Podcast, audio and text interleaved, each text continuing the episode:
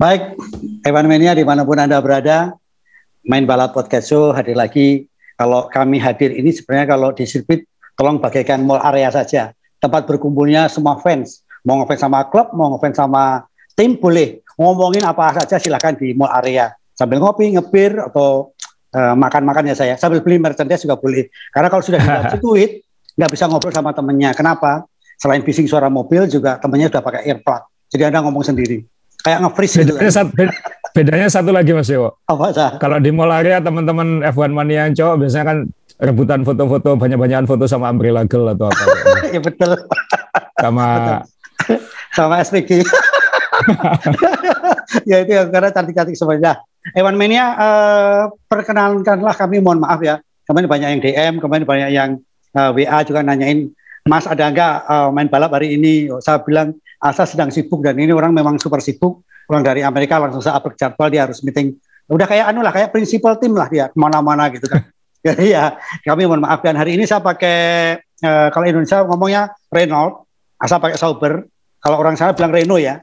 Ya kan? Ya karena Fernando Alonso dapat poin kemudian juga saya kaget uh, tim yang banyak dicintai oleh anak-anak TK SMP SD itu adalah Alpine. Nah ini yang saya paling paling kaget Kenapa? Saya tanya, kenal Alpin, kenal.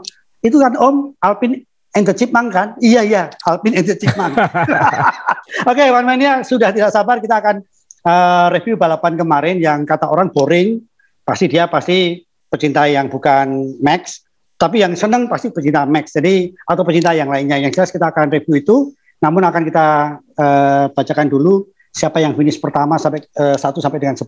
Yang pertama adalah Verstappen kemudian ada Hamilton fotonya jangan dihilangin saya aku nggak bisa baca saya Iya, iya, iya. Nggak sengaja, nggak sengaja, nggak sengaja. Iya, lo kan nggak sengaja, sensitif. Oh iya, iya, beres. Nggak apa-apa. Ya. Botas, Norris, Ricardo, Gasly, Alonso, Vettel, dan Stroll. Ini yang cukup menarik, Vettel di 9, Stroll di 10. Jadi uh, tim papan tengah sekarang sudah mulai rancu lagi. Yang kemarin kita ngomong, udah ya. pasti McLaren, Ferrari, gitu kan. Ternyata Ferrari kemarin masih bingung.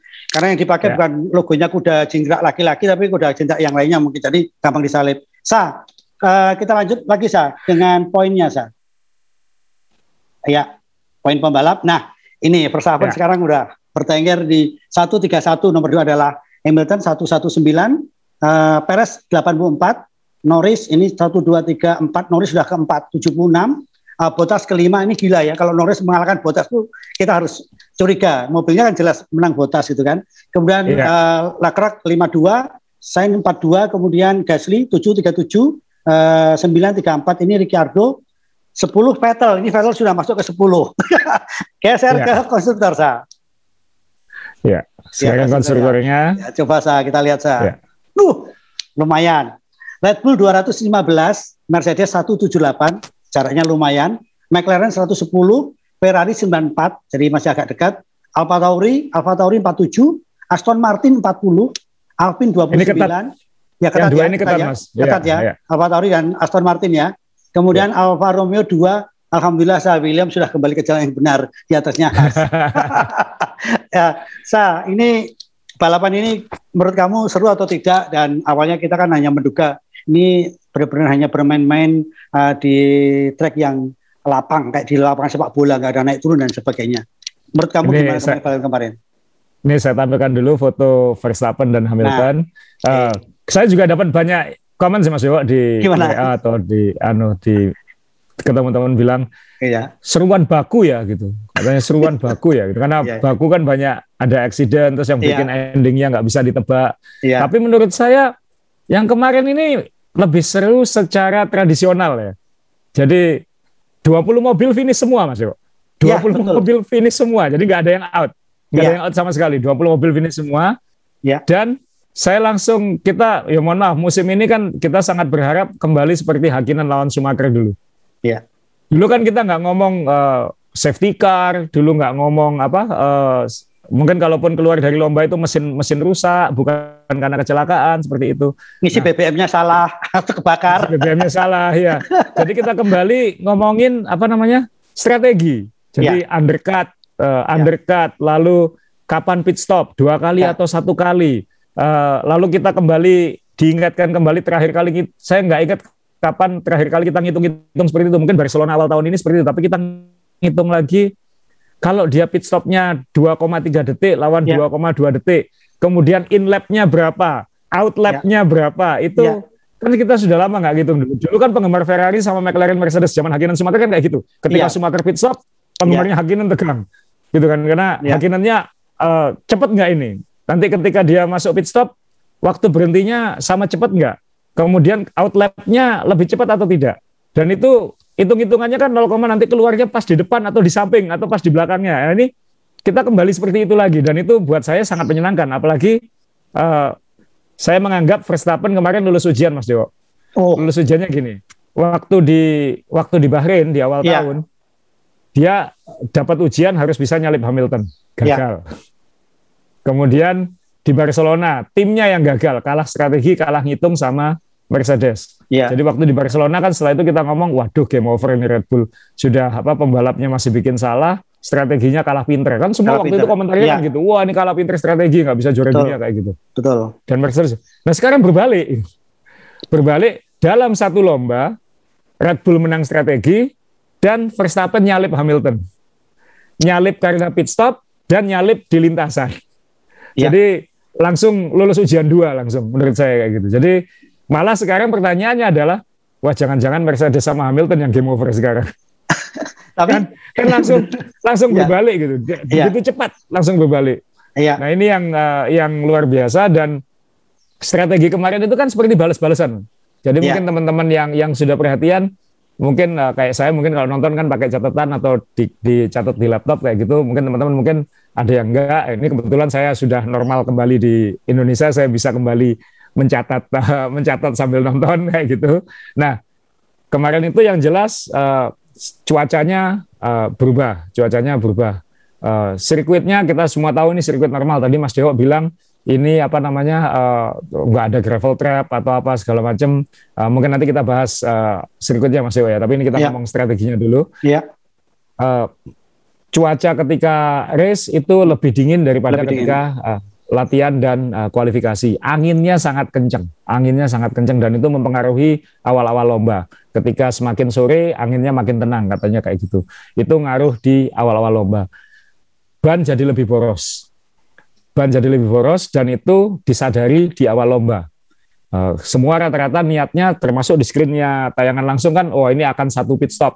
Yang yeah. pakai start pakai medium akan stop di lap segini, yang pakai yeah. hard akan stop di lap segini. Betul, betul. Buyar semua, buyar yeah. semua. Yeah. Jadi uh, botas bannya uh, mulai vibration, dia mulai ngeluh, akhirnya oke okay, kita undercut uh, karena waktu itu kan uh, Verstappen uh, membuat kesalahan saat start, yeah, betul. angin entah apa Perez juga bilang angin bikin bikin mobilnya nggak stabil di awal karena mobilnya Red Bull udah diakui dari awal downforce-nya lebih rendah, jadi settingannya lebih ngejar top speed daripada Nikung. Ya. Jadi dia memang lebih uh, lebih nggak nancep mobilnya. Iya iya iya lebih anu ya resikonya tinggi ya betul. Lebih tinggi. Iya. Kemudian ya. bikin kesalahan sehingga Hamilton di depan dan Hamilton ini mimpin tiga detik. Kemudian Verstappen ini mimpin kurang lebih sama ke ke, ke Bottas. Nggak nggak jauh kan ini. Nah ya. ini kan uh, Bottas uh, memilih undercut duluan karena bannya lebih cepat habis duluan. Undercut lap 17 Bottas pit stop. Nah, saat itu Red Bull langsung uh, bikin keputusan cepat. Kita kita pit stop. Sebenarnya mungkin niatnya bukan untuk nyalip Hamilton. Niatnya untuk cover Bottas. Karena hmm. dia kecepit kan. Apalagi waktu itu Perez agak jauh, tapi Perez ini ceritanya kan lain lagi. Ya. Jadi Verstappen pit stop lap 18 untuk cover Bottas. Dan itu berhasil. Iya. Maksudnya dia tidak disalip oleh Bottas kan intinya Betul. jangan ya, sampai ya. disalip kan. Karena beban kan, ya nanti Bottas, bisa ketahan ya. Bisa ketahan dan Bottas ya. kan iya. memang lebih dekat waktu itu. Nah, ya. kemudian Hamilton baru lap 19 uh, pit stop untuk iya. cover ya. Verstappen. Tapi waktu itu simulasinya Mercedes katanya harusnya cukup, mimpin, mimpin 3 detik kok harusnya cukup kayak gitu. Toh Verstappen juga cukup untuk cover Bottas kan kayak gitu. Ya. Karena meskipun ban ban hard ini bisa lebih cepat, uh, masih fresh, ternyata pas keluarnya hampir bersamaan. Aduh, inget oh. inget Sumaker Hakinan dulu banget lah. Ketika iya. kita ingat kalau nonton bareng dulu kan kalau pistol keluar gitu kita sorak semua. Wah. Oh, iya, iya, iya, iya. sorak atau yang penggemar iya, iya, iya, penggemar iya. Hamilton sorak gitu. Nah, ini kan yang kemarin yang sorak pasti yang penggemarnya Red Bull kan kayak gitu, yang yang anti Hamilton. Iya, anti Jadi Hamilton. kita keluar bareng ternyata pas di depan. Nah ini sampai sekarang Mercedes masih bingung kok bisa ya. Karena sim, sim, berdasarkan simulasi uh, program mereka itu iya. seharusnya ya. ada setengah detik katanya. Ada setengah detik di depan uh, Verstappen. Dan pit stopnya Hamilton uh, pit stopnya Hamilton itu 0,1 lebih cepat dari Verstappen. Jadi stasionernya sedikit lebih cepat. Stationary ya. sama di jalan kan beda ya, beda ya. Beda ya. Beda Jadi ya. Kalau ya setengah detik di pit stop itu mungkin dua detik di lintasan kan bisa kayak gitu. Nah ini yang kok bisa. Jadi sampai sekarang Mercedes masih bingung. Ini hilang setengah detiknya di mana? Gila ya, setengah kita detiknya dicari ya. Iya. kita udah nemu dua setengah detiknya di mana, tapi setengah yeah. detiknya ini di mana ini gitu. Ini ini yeah. masih masih belum dan kita kan fokusnya waktu itu banyak, jadi kita harus analisis out lap in lapnya Hamilton. Apakah mungkin gara-gara waktu dia ngerem turun speed limit di pit stop misalnya kan kita nggak yeah. tahu. Yeah. Karena kan ini faktornya macam-macam dan posisi pit stopnya Mercedes lebih dulu, jadi mungkin oh. remnya lebih pelan. Jadi yang jelas Mercedes ini masih bingung setengah detiknya ini di mana. Gila ya setengah detik ya berakibat fatal ya. ini setengah detik berakibat fatal ya ternyata ya. Berakibat fatal ya. Ya. Karena disalib, tapi mungkin nggak fatal-fatal amat juga karena setelah itu kan masih strateginya semua masih mengira akan satu stop gitu. Tapi ternyata kemudian bannya lebih boros, bannya lebih boros, bannya lebih boros.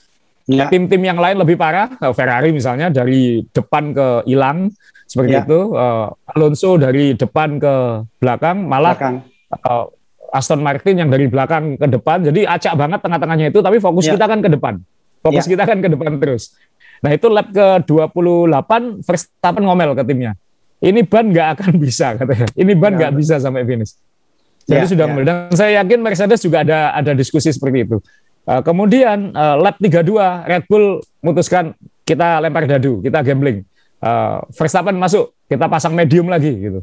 Sampai akhir lomba kan cuma 50-an lap, jadi nggak nggak terlalu jauh. Kita pasang kita lempar dadu, pasang ban medium, pit stopnya nggak terlalu cepat, dua setengah detik, tapi kita tahu kita harus nyalip dia di akhir sambil ya. nunggu. Ya. Ini Mercedes bereaksi nggak? Mercedes bereaksi nggak? Nah, setelah itu di radio kan keluar bahwa Hamilton ternyata diskusi sama timnya. diskusi, uh, saya saya coba catat itu waktu itu uh, Hamilton uh, tim nanya ke Hamilton, uh, yeah. engineeringnya Hamilton nanya ke Hamilton, menurut kamu gimana? Kok malah dibalik? Iya, menurut kamu gimana? Kemudian uh, si Hamilton balasannya adalah uh, ya kita lihat, kita lihat gitu, kita lihat. Jadi Hamiltonnya sendiri juga masih apa uh, masih ragu. Masih masih ragu gitu. Ini ragu ya. stop atau enggak? Karena memang kan ini yang mancing duluan Red Bull gitu yang yang lempar dadu duluan Red Bull. Ayo ini kayak Barcelona. Kamu berani nggak kayak gitu? Kamu berani nggak kayak gitu? Nah oh, jadi akhirnya dan itu kan ya. harus balasnya cepat kan Mas Yo? Kalau ya, kalau ya, mau pit stop ya. harus pit stop dalam satu dua lap gitu. Jangan Betul. jangan ditunggu lima lap karena sudah terlanjur selisih undercutnya udah terlanjur uh, diambil oleh Red Bull. Jadi Red Bull ya. kayak main truth and dare gitu. Ayo aku pizza berani nggak kamu? Nah, ini saya udah kejawab. Nah. Penas rasa penasaran saya udah kejawab sa. Jadi waktu uh, undercutnya Red Bull itu dia ini strategi atau trauma banyak pecah lagi gitu. Jadi dia dia trauma dan dia bilang nothing tulus lah, nothing yeah. tulus. Uh, yeah, yeah. Uh, ini kalau nanti di akhir lomba sama-sama habis bisa disalip Hamilton yeah. atau yeah. ya udahlah kita yang jadi uh, kita, uh, kita yang main-main uh, gambling dan kita yeah, yang ngejar yeah, ke depan. Yeah, dan betul. luar biasanya Verstappen dia bisa eksekusi itu dengan sangat baik uh, dan pada akhirnya kan bisa nyalip. Tapi waktu itu sudah mulai eker-ekeran kalau orang Jawa bilang mulai eker-ekeran uh, Mercedes kan. Bottas mulai ngomel, aku sudah bilang tadi pagi ini dua stop katanya kayak gitu. Jadi ini memang berarti ya, kan? itu ada sesuatu yang terjadi di tim dong saya kalau Asa bilang tadi. Uh, karena mungkin waktu engineer ngomong gimana menurut kamu uh, Hamilton Hamilton bingung ini juga mungkin yeah. engineer takut ah, kalau aku ngambil keputusan salah nanti didemin yeah. lagi kayak kayak di yeah. gitu. nah ini ini ini nggak tahu di mana uh, miss ya tapi yang jelas seharusnya ya uh, tim kan pas harusnya sudah tahu ketika awal lomba bahwa bannya mungkin nggak akan awet tapi yeah. mungkin ah, mungkin mepet-mepet lah ini kita coba kayak gitu jadi yeah, yeah. kadang-kadang kalau disimulasi keluarnya cuma selisih sedikit gitu kan ada faktor X-nya entah itu safety car atau apa kan nggak tahu gitu. Nanti nah, ini betul betul betul betul betul, betul masalahnya keputusannya lama gitu. Iya, keputusannya ya. lama itu aja. Iya, saya, saya, saya jujur saya, saya juga waktu undercut itu kan berarti dia udah jadi robot. Udah jadi ya. robot. Jadi kalau dia melakukan kesalahan atau ada safety car, ada yang kecelakaan, hancur semua hitungannya. Iya. Nah, ya. kemudian kan Hamilton sebenarnya sudah pintar. Hamilton sudah nanya ke Nigeria, ya. aku harus ya. harus supaya aku selamat sampai finish catatan ya. waktuku harus berapa? Ya. Dia ya. nanya, dia sudah nanya Hamilton. Nah, itu ya. engineer sudah bilang catatan waktunya segini, catatan waktunya segini. Jadi akhirnya uh, Hamilton tetap apa namanya bisa uh, mempertahankan dan Hamilton luar biasa ya, dia bisa bertahan sampai dua lap sebelum finish kan luar Bottas kan nggak bisa. Bottas ya. kan sudah sudah nggak karuan. Menyerah, ya. Ya, dan, tapi uh, boleh dijawab nggak sah sekalian uh, orang meragukan kenapa Hamilton tidak fight menahan uh, Verstappen. Ini jadi bahan omongan juga ya. kan, walaupun ya, katanya alasannya ban gitu kan ada yang tanya saya juga kemarin kok ya. kok segampang itu nyalip gitu. Ya, ya. Uh, itu faktornya banyak. Uh, uh, kita bukan pembalap. Saya dulu pernah balapan gokat. Saya pernah ngerasakan sedikit lah kira-kira itu kayak gimana. Tapi uh, kalau misalnya kita naik kendaraan ya, ban kita sudah habis. Atau gini ya, kita pakai analogi sepatu Mas Dewo. Ya. Uh, kita balapan lari di mall. Ya. Yang lantainya keramik licin. Licin. Ini yang paling gampang. Ya uh, sepatu saya uh, sepatu basket yang ya. bisa ngegrip kayak gitu. Ya. Mas Dewo pakai sepatu pantofel. Pantofel ya. Yang solnya mungkin mungkin kulit nggak ngegrip. Ya. Mungkin ngegrip untuk jalan tapi nggak ngegrip untuk lari. Betul. Disuruh balapan lari di mall, kita suruh belok. Ya. Menurut Mas Dewo gimana?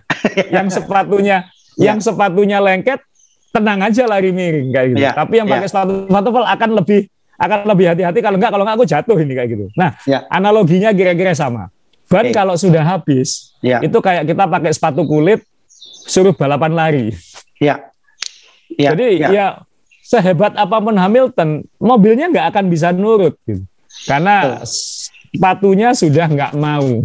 Nah, ini, ini bukan sepatu yang bukan sol sepatu yang copot ya, ini sol yang nggak cocok untuk permukaan. Karena kan ketika permukaan yang lengket itu habis, ya kayak main ice skating memang. Jadi ya. mau mau sehebat apa pun pembalapnya mau fight, ya pasti nggak bisa. Mungkin di sirkuit street street sirkuit seperti Monaco mungkin bisa karena bisa ngeblok ngeblok ya kan nggak bisa ya. lewat. Gitu. Iya betul betul. Tapi di betul masa ya. ini yang ter, yang terbuka ya. itu jauh lebih sulit, jauh lebih ya. sulit. Nah, Untuk ngebloknya ya. Jadi banyak faktornya. Oke, ini sudah terjawab. Jadi kenapa engineer-nya Mercedes uh, frustasi bikin mesin kecil, ringan, cepat, kuat, kalah sama uh, orang-orang yang dari tim vulkanik Sirban ya kan? Diganti ban medium kalah dia. Ngapain mikir aerodinamika mikir mesin kalah sama tukang vulkanik Sirban. Ganti medium udah kalah gitu kan. Dan ini ya. ada kaitannya sama ban-ban pecah di baku ternyata Mas Jawa. Jadi kan oh, iya, iya. Uh, waktu di baku kan waktu itu apakah debris atau apa tapi ternyata jawabannya keluar lagi ketika di Prancis. Uh, ternyata beberapa tim ini agak menyiasati tekanan ban Oh, jadi ya, mungkin ya, ya. ketika diperiksa tekanan bannya sesuai regulasi, tapi uh, ketika di jalan atau apa ada teknik atau apa yang bikin tekanan ban itu turun sedikit sehingga dia lebih lunak, lebih, lebih lunak, lebih lengket lebih, ya, lebih lengket kayak gitu. Nah, uh, tentunya Red Bull dibilang Red Bull dan Aston Martin yang paling kelihatan melakukan itu, tapi setelah melihat lomba kemarin, pokoknya siapa yang kemarin bannya belepotan, ternyata sebenarnya semua melakukan itu aja kayak gitu. Jadi uh, Pirelli mengeluarkan uh, anjuran baru, panduan baru bahwa harus lebih keras lagi sedikit. Dan itu bikin semua datanya tim-tim ini berubah semua. Jadi seperti main tebak-tebakan lagi. Gila ya, gila ya. Gila ini balapan ini ya. Makanya ya. akhirnya ada tim yang loh kok bannya bagus saat kualifikasi ketika balapan hilang seperti iya. Ferrari. Ya. Ada yang ketika kualifikasi bingung kenapa kok nggak bisa cepat, tapi ketika lomba kok malah Oh kamu satu stop kok bisa kayak gitu. Jadi ya, ya, ya. Uh, seperti Aston Martin sehingga ini kembali tebak-tebakan uh, simulasi ban lagi. Jadi bayangin habis uh, puluhan ratusan miliar untuk bikin aerodinamika dan lain-lain, bannya diganti sedikit, tuh berubah semua. Gitu. Jadi, ini, ah. itu loh, itu itu itu cantiknya F1 menurut saya. Iya iya. Ya, hal-hal kecil yang bisa ngutak-ngatik itu. Hal kecil yang bisa berubah semuanya ya. Ternyata gitu kan. Iya, teman nah. uh, Evan Mania kalau pernah ke sirkuit asal Hasan kan pernah juga apa pasti pernah memperlihat uh, pernah lihat ban ban setelah dipakai balapan itu kan jadi kayak brocel-brocel itu ya banyak tumpukan ya. serpian-serpian itu saya betul kayak kan? aspal rusak ya itu kan kayak itu kan mengganggu rusak. juga saya Iya, karena itu bikin getar ya, Mas. Jadi uh, ya. ban, uh, apalagi sirkuit seperti ini, kalau kita lihat di TV kemarin, uh, mungkin nggak terlalu kelihatan, tapi di di sisi-sisi pinggir yang nggak dilewati itu banyak serpihan-serpihan ban itu ya, namanya marble. Jadi ban ya. itu kan terkoyak terus sebenarnya. Ya, Ketika ya, nikung terkoyak, koyaan itu ada yang kebuang, koyaan ya. itu ada yang kebuang. Jadi uh, pinggir-pinggir sirkuit itu saya pengen sebenarnya kalau bisa balik ke sirkuit itu kalau habis lomba jalan keliling sirkuit, saya bawa apa? Bawa silet atau bawa ya. pisau kecil, uh, saya korei itu karet-karet ya. yang di pinggir iya. lintasan itu lalu dimasukkan di toples jadi koleksi kayak itu kan lucu juga kayak gitu. Iya nah, kalau pasir kan sudah kamu pasir. nah, kalau gravel saya koleksi. Saya saya punya koleksi uh, gravel apa? Jadi gravel circuit saya masukkan botol minum lalu saya pajang. Uh, okay. Saya nggak bisa tunjukin tapi ada di sebelah kiri saya. Ya, nah, jadi itu, kalau kalau itu ya. eh, souvenir saya itu ya, souvenir saya. Ya itu souvenir. Ya, souvenir, kan? souvenir gratis Mas Dewo, setelah okay. nolong. Oke, okay. ya karena memang kalau Evan Mania sejati itu apa pun yang berbau hewan pasti akan dibawa pulang. Jadi kalau Anda lihat sekarang ini di belakang Asa, Anda bisa lihat itu adalah koleksi-koleksinya Asa. Jadi nanti suatu ketika kita pengen satu-satu dan saya akan menjawab dari fans yang kemarin ada teman yang uh, uh, ngobrol dengan kita di wall kita, uh, kapan Mas bisa jalan-jalan uh, tur ke rumahnya Mas Asa katanya. Oke nanti. Tapi, tapi di kanan kiri saya depan saya banyak sepeda Mas Jadi F1-nya makin sedikit. makin dia, dia sudah gak koleksi F1 tapi ke sepeda. Baik, uh, saya ini tadi kita ngomongin uh, strategi kemudian antara uh, Red Bull dengan Mercedes. Nah, sebenarnya kalau ada jujur, satu lagi Mas Yo. Ya, Peres, silakan. Mas Yo. Ya, Peres Mas Yo. Karena okay, makanya kan satu stop. Iya. Nah, ya oke, okay. makanya stop. kembali ke ya kita udah bahas uh, uh, siapa uh, si Max uh, Verstappen sama Hamilton sekarang Perez ini peranannya apakah sudah sesuai dengan yang diharapkan? Kalau Bottas bagaimana? Ini kan peran kedua semua ini. Silakan saya. Ya, ya. Jadi Perez Perez ini dari dulu reputasinya jelas paling pinter menghemat ban. Itu ya. sejak dia awal sampai sampai sekarang saat masih di Sauber sampai sampai sekarang ter, terbukti terus seperti itu. Dia ini pembalap yang halus bawa bannya. Dan kemarin Red Bull memaksimalkan itu luar biasa. Jadi ketika yang lain lap 17, 18, lap belasan sudah ganti ban semua, ya. Perez pakai ban medium sampai lap 24. Hampir separuh lomba. Jadi dia meskipun dia kayaknya di awal ketinggalan dari Bottas, tapi dia itu konservasi ban. Oh. Dia itu bisa menghemat ban. Dia dia dia irit. Jadi efisien banget ngelapnya. Oke lah, dia makin ketinggalan, tapi terbukti kan akhirnya menang aku kayak gitu.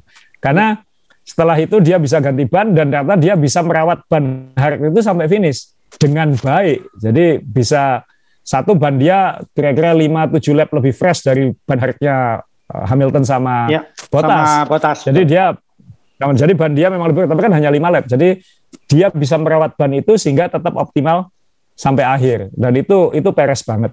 Dan ketika Verstappen sempat pit stop di belakangnya Perez, Red Bull langsung bilang, Verstappen di belakangmu, tolong jangan dihalangi. Uh, terus Perez minggir, Verstappen lewat uh, habis-habisan ngejar Mercedes di depan. Perez langsung nyemangati, bilang, let's get them. Jadi langsung, ayo kita makan mereka. Jadi Gila ya ini ya.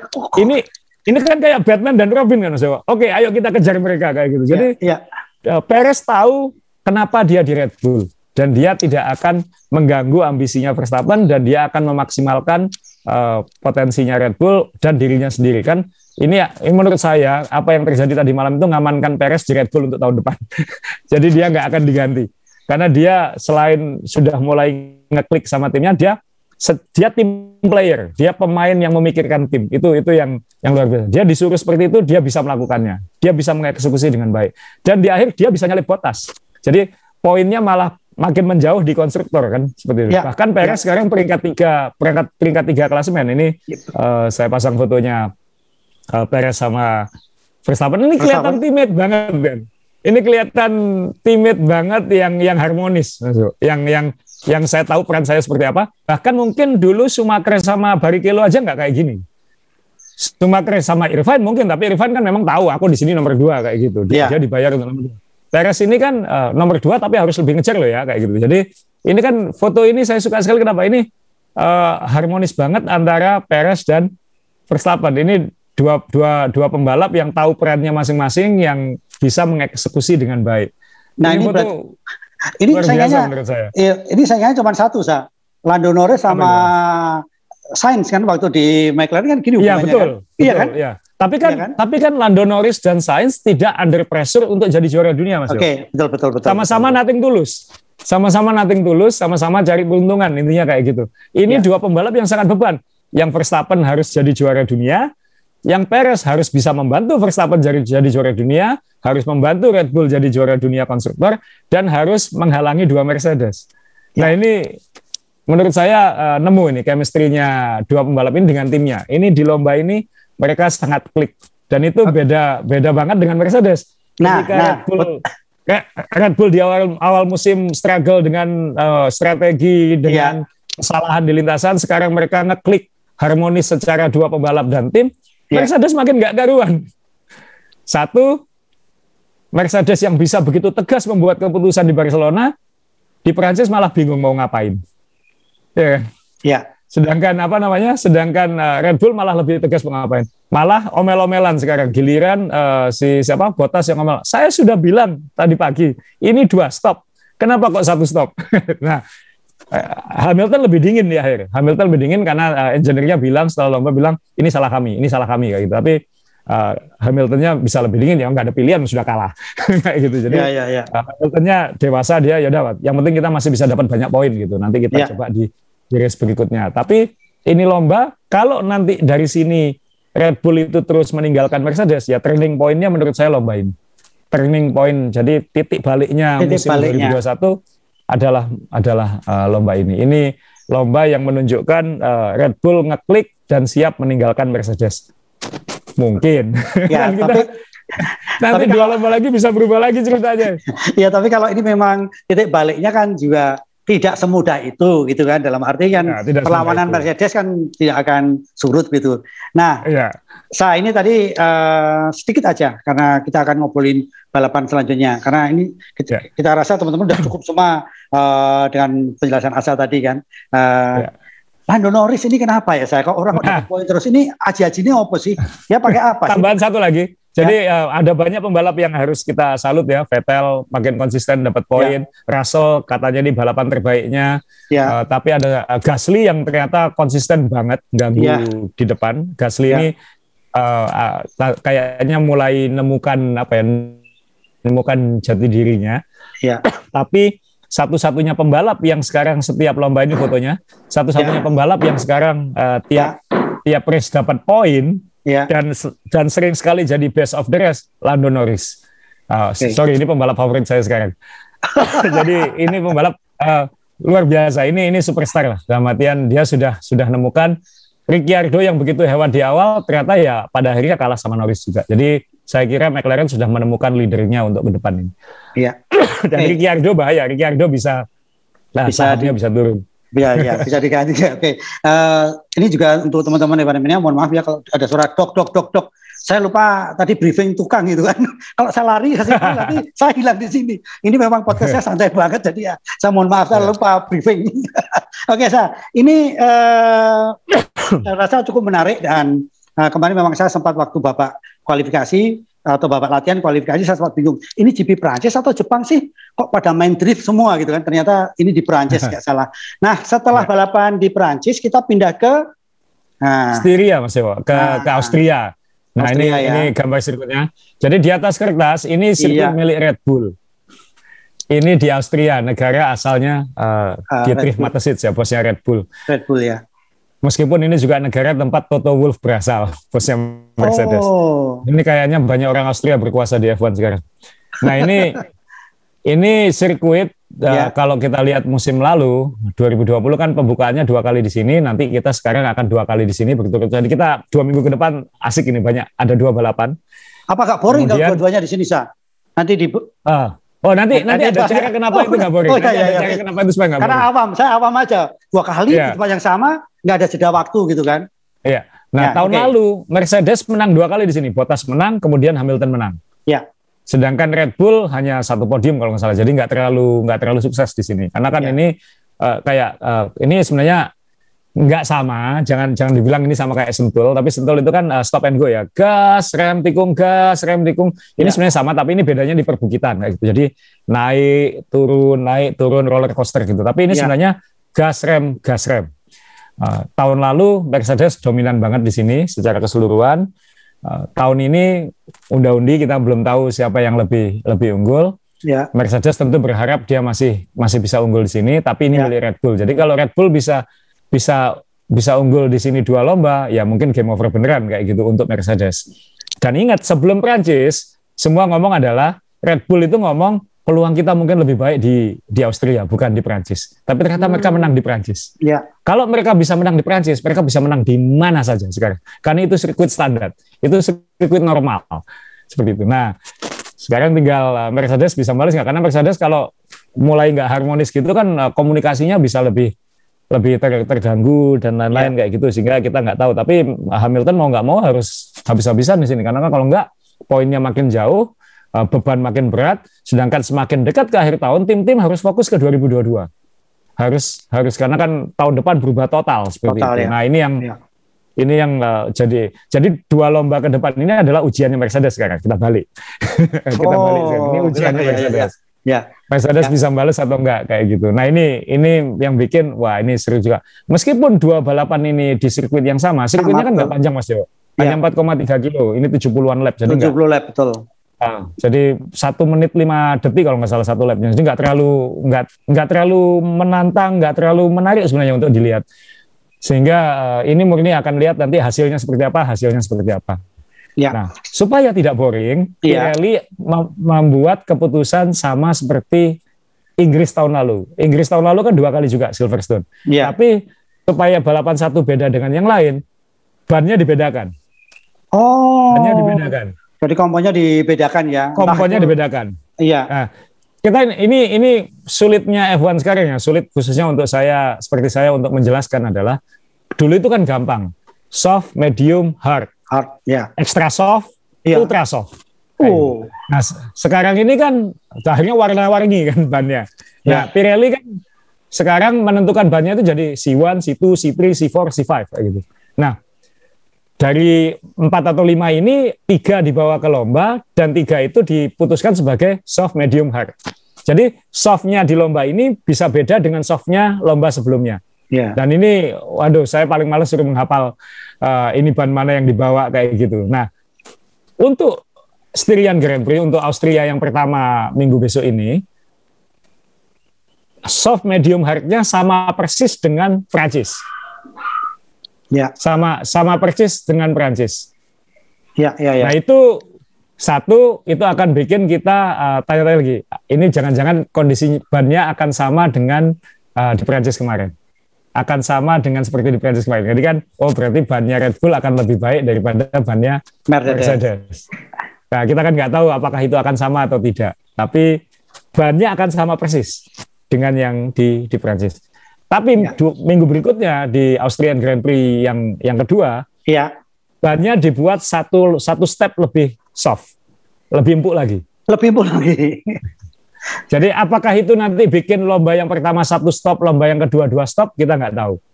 Uh, apalagi dengan tekanan ban yang sekarang lebih lebih diketati itu. Jadi ya masih masih masih sangat seru. Jadi uh, moga-moga nanti dua lomba ini akan seru. Ingat di Silverstone tahun lalu Mercedes menang dengan ban pecah loh ya. Uh, iya, iya, ban pecah. Iya, iya, Jadi iya, iya. ini apakah moga-moga nggak terulang bahaya banget. Iya, iya. Enggak kita nggak tahu nanti seperti apa formula bannya di di Austria nanti. Nah ini yang yang kita tunggu. Ini yeah. ini ban. Saya saya mau menunjukkan foto ban Pirelli. Jadi uh, kita semua tahu yang yeah. yang medium itu yang kuning, yang merah yeah. itu yang soft, yang putih itu uh, hard. Tapi yeah. setiap lomba ini bisa beda. Kuningnya sekarang itu belum tentu sama dengan kuningnya minggu depan. Ya ya ya. Nah.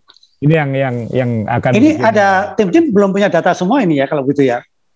Mereka punya data sama ban-bannya Mas Joko, karena ban-ban ini pernah dipakai semua minimal waktu uji coba. Ya. Yang mereka harus hitung ulang adalah dan mereka mungkin sudah menyiapkan itu nanti ketika lomba ini nanti kayak gini kecepatannya kira-kira kayak gini, lomba ini kira kira-kira kayak gini.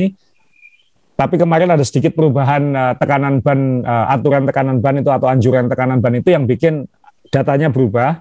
Tapi saya kira mereka sudah belajar banyak dari dari Prancis Masalahnya waktunya kan terlalu mepet ya. Prancis sudah harus pindah ke sini sehingga kalau punya waktu dua minggu mungkin sempat bikin simulasi di simulator atau iya. atau uh, di markas ya pokoknya ya bisa dihitung lagi.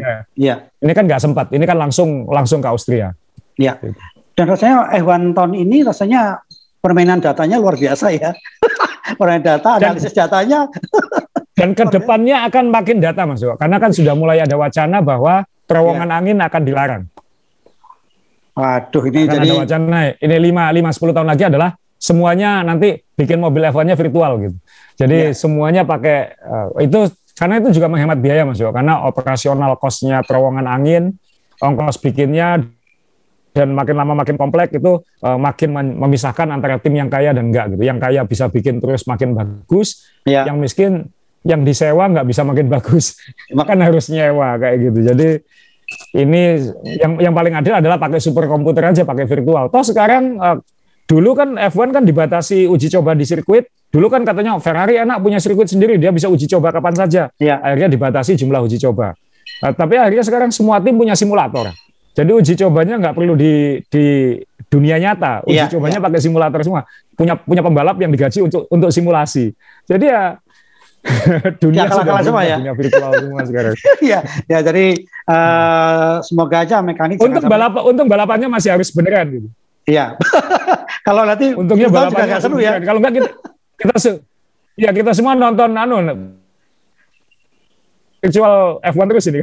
Oke, okay, jadi ya, uh, ya. jadi untung balapan masih nyata tadi saya bilang. Jadi kita masih bisa melihat balapan nyata. Tapi kalau virtual kan jadi nggak seru gitu kan. Yang jelas dengan membawa Pirelli kompon lebih empuk, nah ini yang seneng para pembalap tua. Jadi kalau empuk-empuk gini udahlah nggak ganggu giginya gitu kan. Oke, saya ini uh, mungkin ada hal yang disampaikan lagi saya untuk balapan kedua ini apa yang harus kita waspadai karena balapannya cuma di trek yang tidak jauh sehingga pembalap memang konsentrasi penuh seperti muter-muter kayak nonton IndyCar gitu kan hanya lima yeah. nggak nyampe lima kilo tadi uh, yeah. apa yang harus kita cermati untuk para pecinta F1 ini Yang jelas ya pasti pertarungan uh, Red Bull dengan Mercedes ya pasti nggak akan nggak akan jauh-jauh amat. Jadi benar-benar Schumacher Hakkinen ini sehingga yeah. Ya. uh, ketika nonton nanti uh, jangan kaget kalau tiba-tiba ada perubahan strategi di tengah-tengah lomba seperti kemarin karena ya tadi sekarang uh, reaktif semua. Jadi keputusan bukan lagi di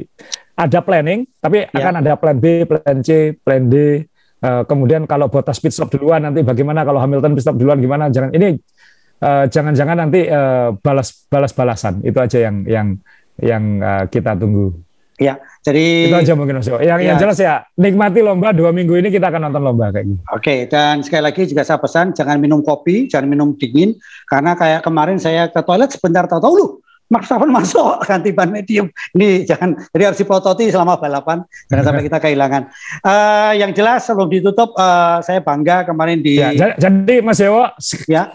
Mas Dewo satu lagi. Silakan. Satu lagi Mas Dewo. Jadi ketika warm up lap ke toilet. Ya Oh ya betul betul. Jadi kalau halo ya, ya kalau ya, ya. warm up warm kalau warm up, ya. lab ke toilet. Ya. Jadi ya. saat lomba jangan geser. Okay. Makanan makanan siapin semua di sekeliling, catatan dan lain-lain. Jadi uh, jangan sampai terganggu. Ya. Oke, okay, jangan sore langsung ajak anak istri untuk belanja atau makan supaya tidak ganggu nonton kita. Uh, sebelum kita tutup, saya bangga sekali dengan balapan kemarin karena ternyata ada dua pembalap muda yang akan bersinar yaitu uh, Sunoda dan Mick Schumacher. Saya sangat senang sekali dua pembalap ini karismanya luar biasa. Ketika kualifikasi crash, semua pembalap memberi penghormatan dengan masing-masing kembali ke garasi, tidak melanjutkan kualifikasi. Nunggu sampai aba-aba dimulai kualifikasi lagi. Jadi kalau dia bukan pembalap berkarisma, pasti pembalap lainnya akan tetap kualifikasi. Saya salut dengan pembalap muda yang karismanya luar biasa, crash, semuanya langsung hormat kembali ke garasi. Baik, Ewan Mania jangan lupa main balap Tesco ini terbuka. Silahkan kalau Anda sampaikan ke teman-teman yang suka hewan, ayo subscribe, uh, di subscribe aja di sini. Kemudian juga jangan lupa kalau mau mau ngasih masukan-masukan, kita ini semuanya terbuka karena ini adalah uh, ajang silaturahmi dan mungkin Asa juga manusia manusia biasa mungkin lupa. Kalau saya jelas jangan ditanya, saya hanya penanya saja. Oke Asa, jangan lupa prokes, jaga kesehatan. Kita berdoa Indonesia segera hijau. Ya. Baik ketemu Sa. Sampai ketemu Iwan Mania. Salam.